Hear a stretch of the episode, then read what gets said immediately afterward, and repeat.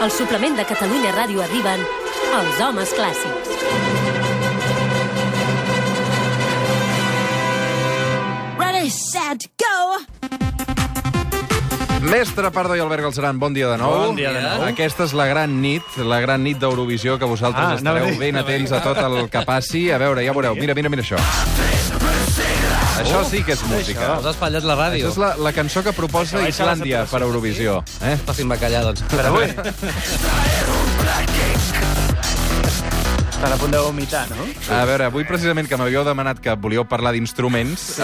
eh, doncs eh, Eurovisió avui no sé si en veurem gaires d'instruments. No. Ni de música, pel que veig, a Eurovisió. Oh. Però, en tot cas, Ni volem parlar eh? d'instruments perquè també parlem d'identitat. Perquè, per exemple, quan parlem d'instruments parlem, pensem només, per exemple, en violins, violes, etc. però un cantant, o tu que ets locutor de ràdio, el teu Sí. instrument què és? La veu, tu. per tant, l'instrument també esdevé la identitat. Escolta això.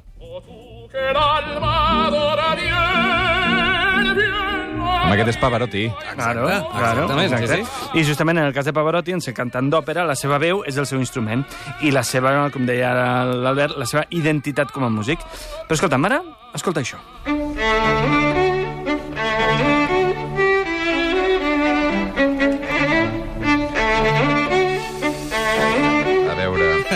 Um, jo diria que és el Bernat Prat, que és un violinista que m'agrada molt de català. Bueno, podria ser. Podria ser, Podria ser-ho. Podria ser-ho, ser-ho. però no és el ser-ho. cas, no? No. no. No. No, de fet, no només et demanem el nom del, de l'intèrpret, sinó també de l'instrument. Exacte. A veure, jo diria que és un violí, no, això? Bueno, anem bé. A més, un violí. De fet, estem escoltant el famosíssim rondó del concert per violí de Beethoven i estic segur que aquells que siguin, deixem-ho dir així, els més frics del món de- d'aquest instrument, potser han reconegut fins i tot l'intèrpret. Mm. Mhm. Però això és complicat, eh? És molt complicat, és molt De complicat. fet, no és complicat, eh? No? Jo diria que... Bueno, Home. Si estàs acostumat... Sí. Aquest, aquest que està tocant és un dels millors violinistes, si no el millor, del segle XX, que es diu Yehudi, es deia, Yehudi Menuhin, i el seu famós violí de l'any 1733, que va fabricar un dels lutiers més famosos de tots els temps, Antonio Stradivari.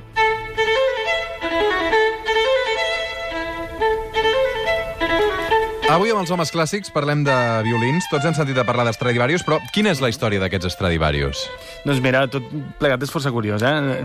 De fet, dius Stradivarius, que és el nom així Sí. eh, llatí, però ell es deia Antonio Stradivari. I va ser un famós luthier, luthier són aquests constructors d'instruments, eh? eh? de Cremona, a Itàlia, que va viure entre els segles XVII i XVIII, i diguem que hi ha una certa unanimitat en considerar-lo el millor fabricant d'instruments de, tota, de tots els temps, d'instruments de corda. Eh? Estem d'acord. Què tenen d'especial, aquests Estradivarius? Home, moltes llegendes, moltes llegendes i molts mites, però el cert és que els músics més llegendaris justament sempre s'han associat amb aquests instruments. Per exemple, això que estem sentint ara, que és una passada... A veure, puja. A veure, ja.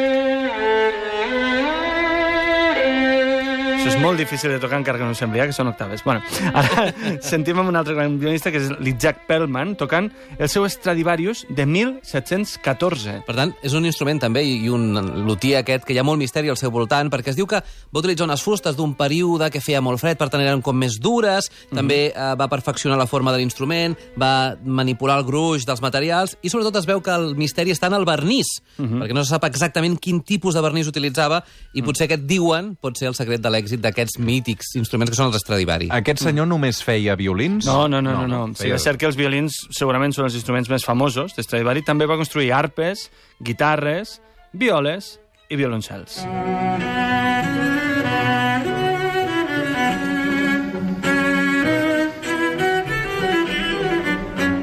violoncel? Això és- Exactament, Exacte. sí, sí. De fet, això que escoltem és el concert per a violoncel en si menor de Dvorak, interpretat per Mitislav Rostropovich, amb el seu Stradivarius de 1711.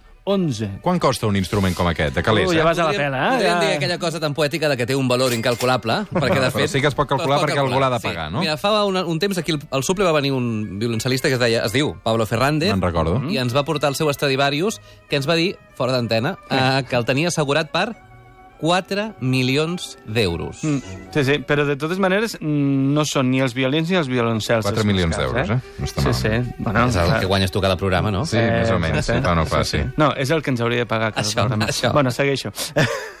en tot cas, els més cars no són ni violins ni violoncels, sinó aquest instrument.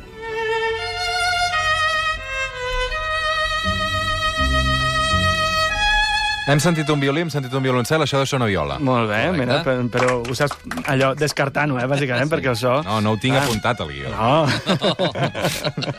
de totes maneres, segons un article del diari ABC de 2014, la casa de subhastes Sotheby's, eh, aquella casa tan famosa que subhasten vegades pintures... Coses i sempre tal, molt econòmiques. Exacte. Va posar a la venda una viola Stradivarius de 1719, coneguda justament com a McDonald, Mm. eh, per uns 33 milions d'euros. Carai. 33 33 milions, eh? milions d'euros. Ah, per què són tan cares? Diuen que són els instruments més perfectes que ha fet Stradivarius i hi ha un altre factor, i és que dels 650 instruments Stradivarius que aproximadament es conserven, només una tretzena són violes. Mm. Llavors, clar, hi ha més demanda i llavors puja el preu, òbviament. Clar, i fixa't, Roger, t'hem parlat de violins, t'hem parlat de violoncel, t'hem parlat de viola. Eh? Això, mm. de fet, ens situem en una de les formacions clàssiques doncs, més importants, la mare, o sigui, diguéssim, l'ou de l'orquestra sinfònica, que és el quartet de corda.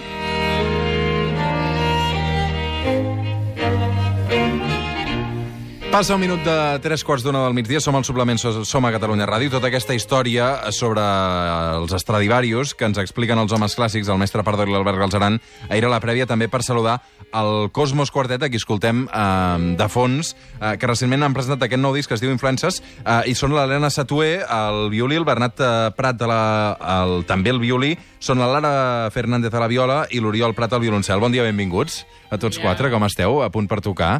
Ah, a veure, això que porteu són els Stradivarius, què són? De fet, de fet, si voleu responc jo, el, la història dels seus instruments també és molt, molt particular perquè no són Stradivarius, són David Beguer. Mm. Però la cosa és que, el, bueno, podeu explicar-ho, el projecte és que tots tenen l'instrument del mateix luthier.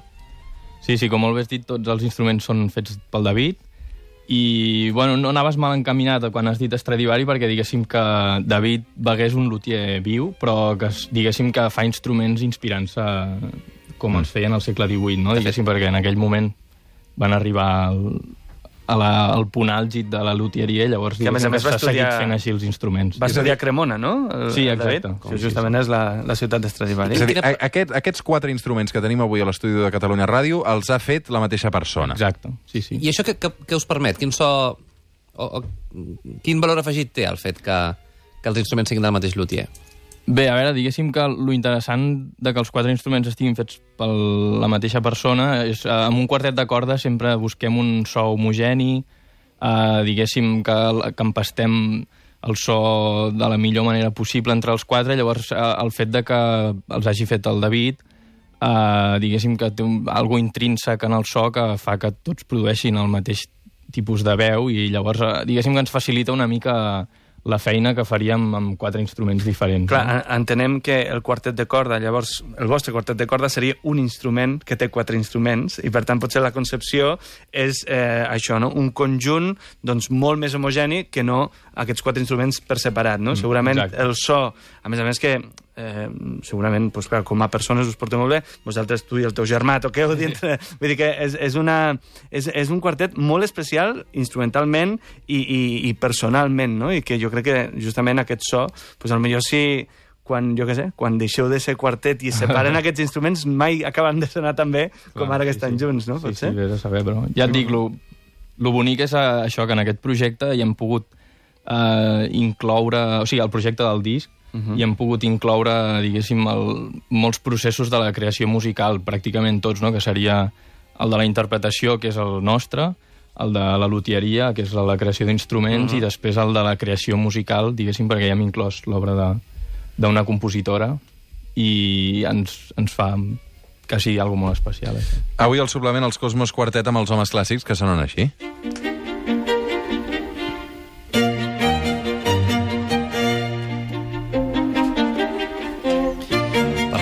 Mica del repertori, perquè tenim el pare, diguéssim, dels quartets, Haydn, eh, també hi ha Brahms, i ara ho apuntaves, Raquel García Tomàs, també una compositora mm, contemporània, que, que és viva, vull dir que la tenim entre nosaltres, i que, a més a més, darrerament està tenint molts èxits. Eh, com heu triat aquestes obres a les que, que apareixen al disc?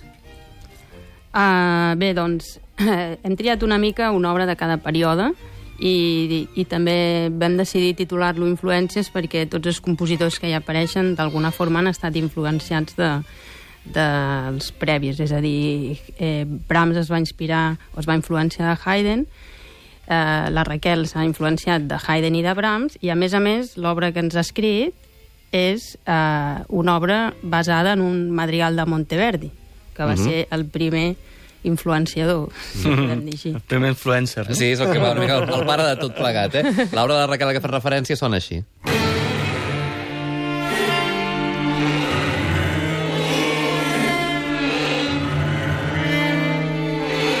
Que Roger, bonic, eh? Brutal. Jo els vull sentir en directe, perquè heu vingut preparats. Us hem, vull dir, us hem demanat que, que, que portéssiu tots els instruments. Um, de fet, hem estat fent proves de so abans ràpidament. Sí. Um, podem tastar alguna cosa en directe, no? Què escoltarem? Sí. Ens podeu introduir el, a l'obra?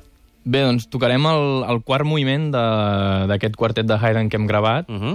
uh, que és el, un quartet uh, dins de l'Opus 64, el número 6, l'últim, i farem l'últim moviment, que és un presto. Doncs Un vinga. mi moll major. Presto. Doncs cap a l'escenari del suplement.